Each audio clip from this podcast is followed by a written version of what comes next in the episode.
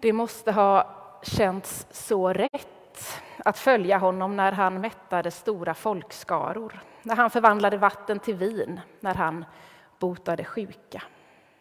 När han predikade upprättelse för de förtryckta och förkunnade sitt evangelium, sitt glädjebudskap, sitt kärleksbudskap. När folkskarorna strömmade till kändes det säkert helt rätt att hänga på, följa med, vara där som det händer. Så rider han in i Jerusalem, firar påskmåltiden med sina lärjungar men blir sedan gripen i ett semane. Och här sker vändningen. Tidigare har folk strömmat till, men nu är rörelsen den motsatta. Nu lämnar folk, nu flyr de därifrån, lämnar honom. Och kanske kändes det här som ett misslyckande för lärjungarna. Både den närmaste kretsen och alla andra som hade följt honom. Hur kunde de ha satsat på helt fel person? Hur mycket tid hade de egentligen slösat bort på honom? Helt i onödan. Plötsligt var han bara en kriminell. Och det är som om människorna runt om Jesus nu delas in i ett par olika kategorier. Här finns lärjungarna som flyr. Det är lätt att förstå dem. De var förstås rädda, dels för att råka ut själva. Jag måste... Mina skor skaver så fruktansvärt, förlåt.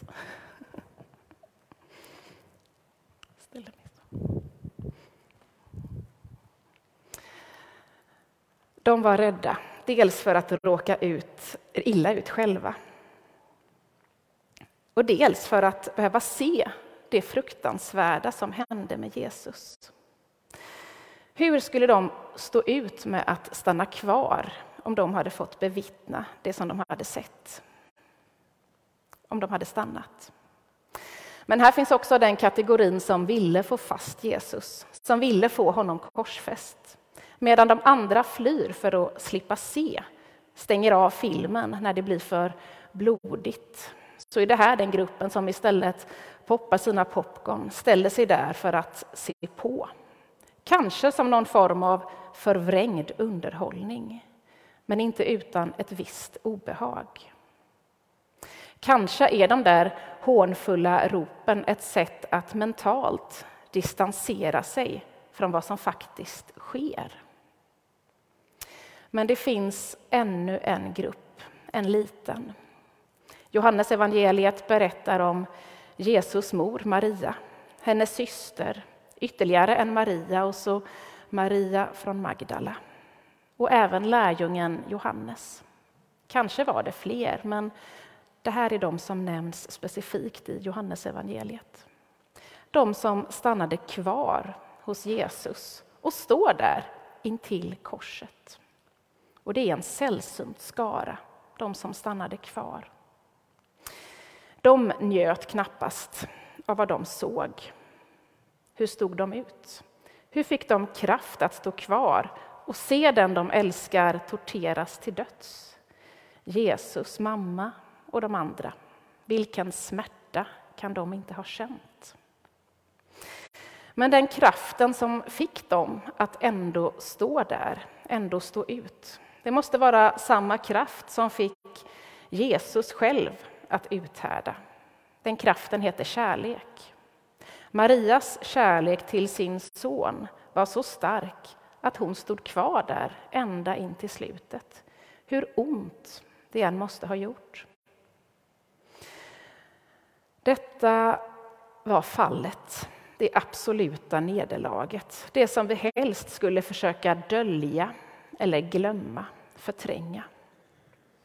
Hade vår tids PR-folk och kommunikatörer funnits med där och då så hade man antagligen hållit en ganska låg profil på långfredagen.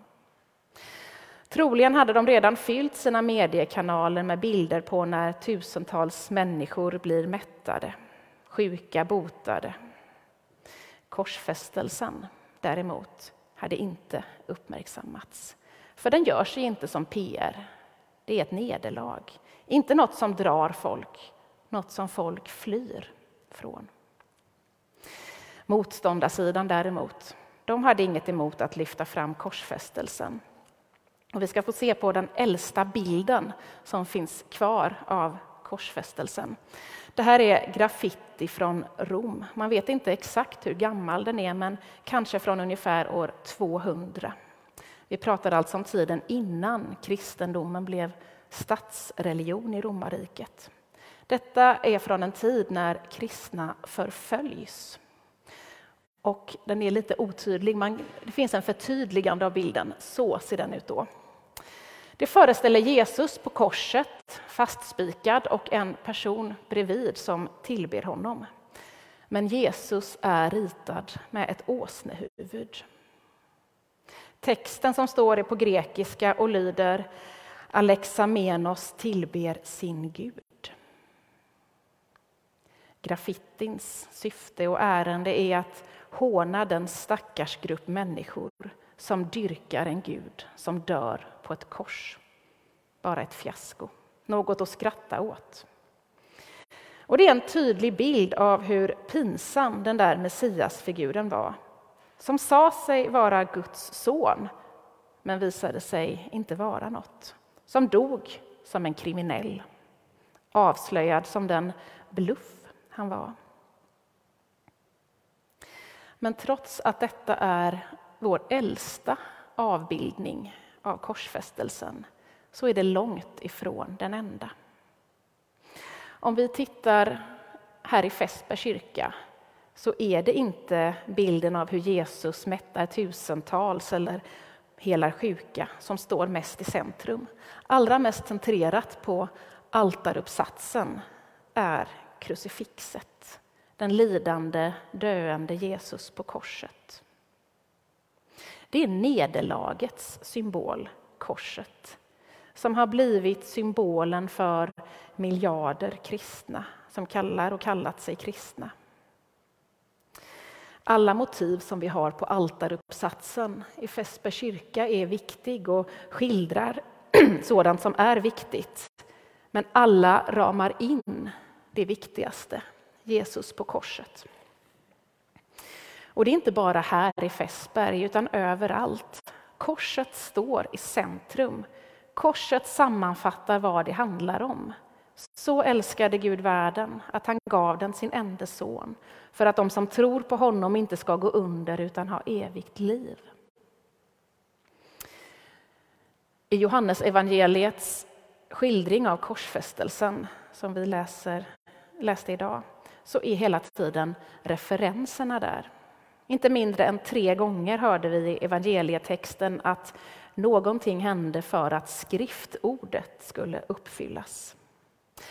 Det som händer sker inte av någon slump, utan har ett syfte. Ett högre syfte.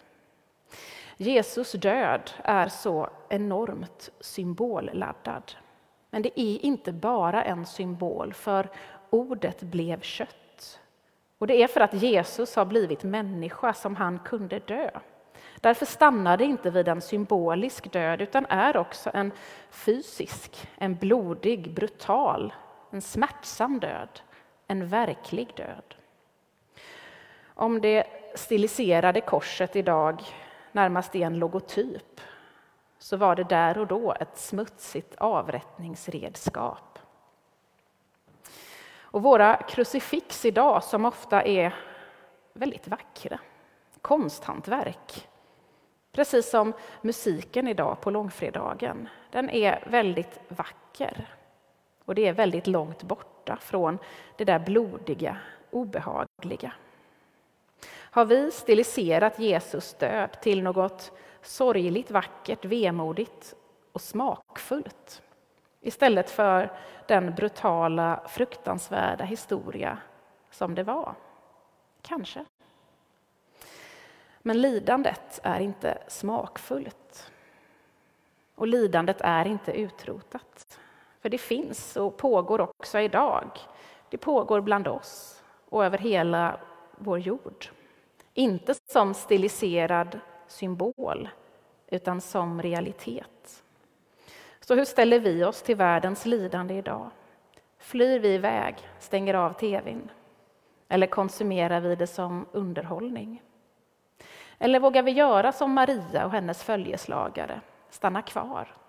Vågar vi stanna även om vi inte kan göra någonting för att hindra? Även om vi inte kan ge något annat än vår närvaro? Det är inte vackert att betrakta lidandet. Det är groteskt. Och ändå samlas vi kring korset. Idag och varje dag, här i Fässbergs kyrka och över hela jorden. Varför? Jo, för korset det symboliserar inte längre bara lidande, utan kärlek. Det är inte lidandet som står i centrum, utan kärleken. Jesus kallar oss inte att imitera hans lidande, utan hans kärlek. Amen.